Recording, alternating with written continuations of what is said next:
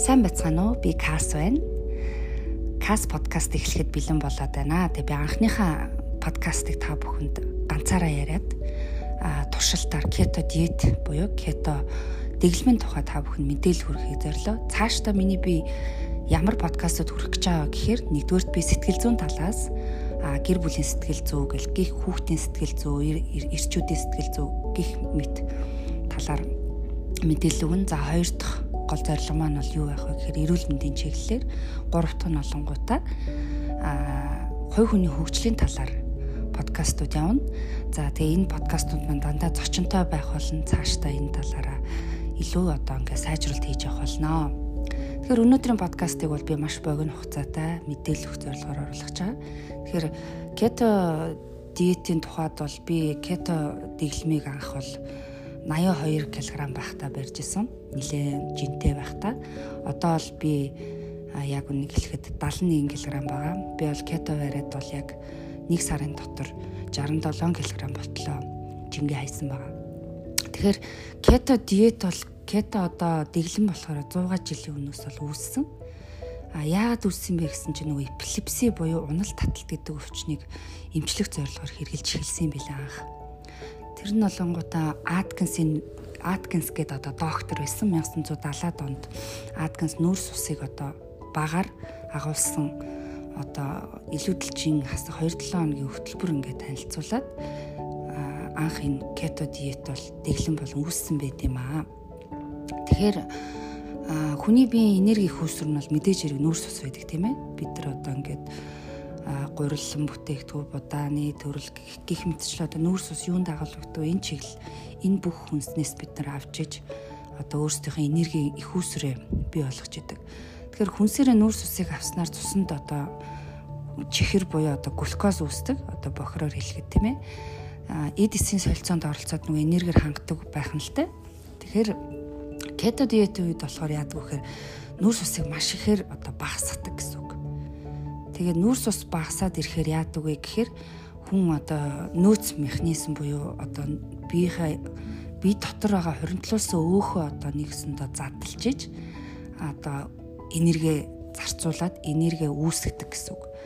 Тэгээ нөгөө өөх тос задлаад ирэх задраад одоо зарцуулагдаад ирэхээр кетон бие гэж нэг нэгдэл үүсдэм байна л да.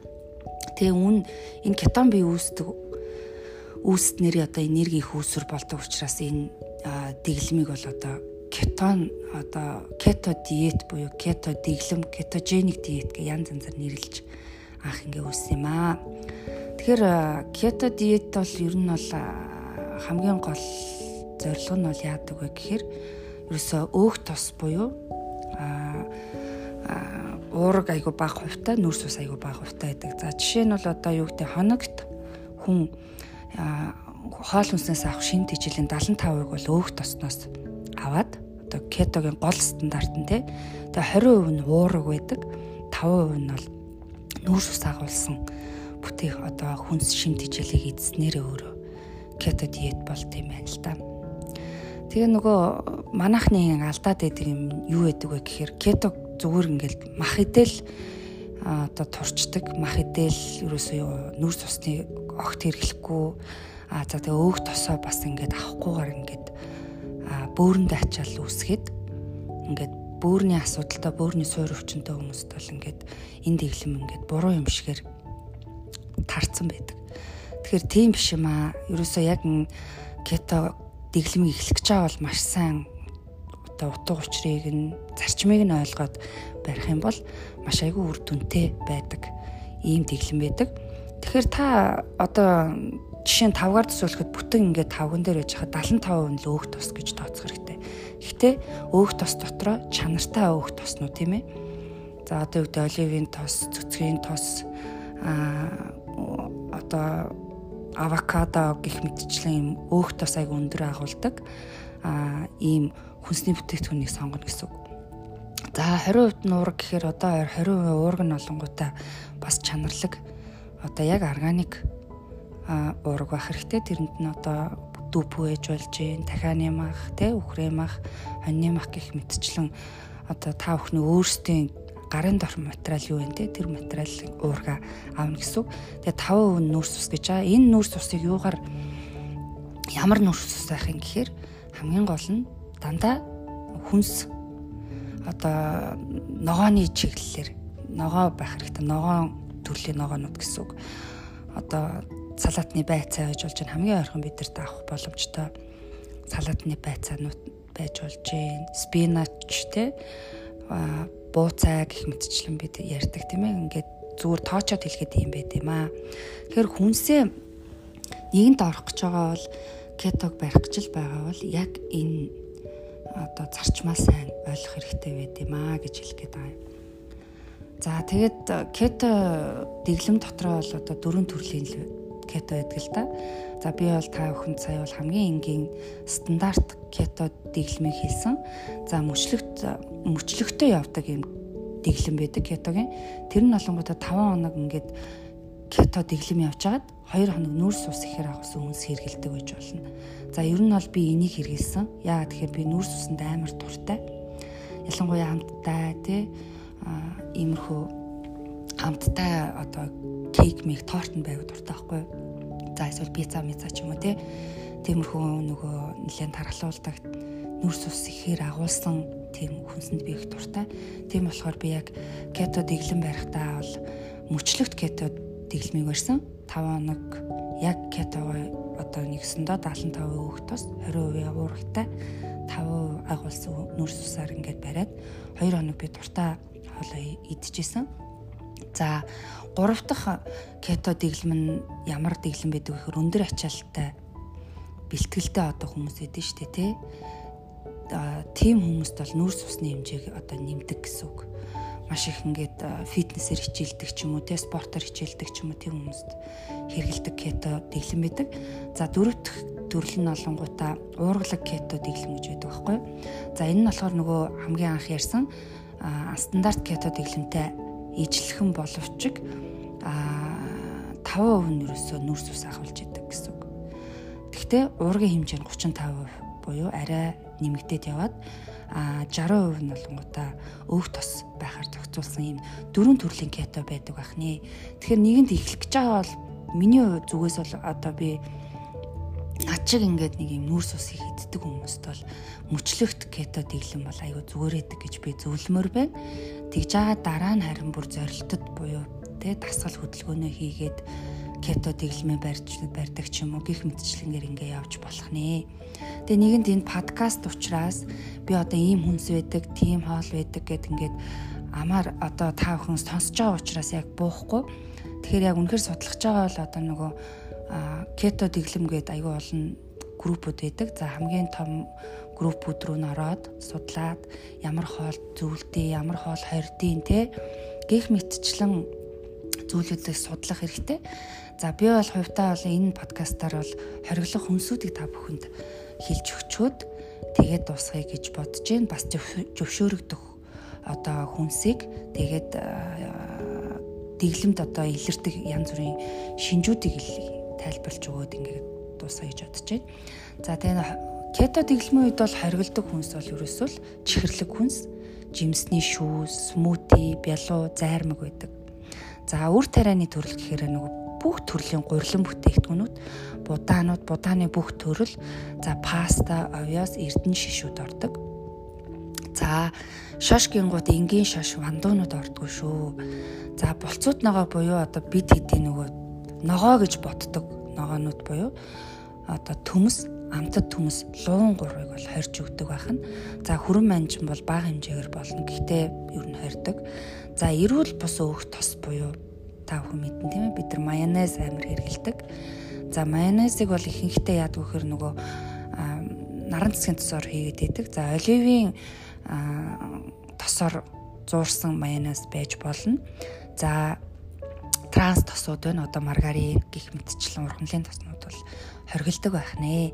За алкохолыг бол хоригддаг. Гэхдээ вино минонуудыг бол бага хэмжээгээр зөвшөөрдөг. Тэгэхээр нөгөө бүх одоо алкохолын төрөл бол бүгдээрээ дандаа сахар нэмэлтээр оруулсан байдаг учраас хэрвээ кетон бий үүсгэх гэж байгаа бол тэр нь одоо саад болоод идэг тийм сул талуудтай байдаг байх нэ.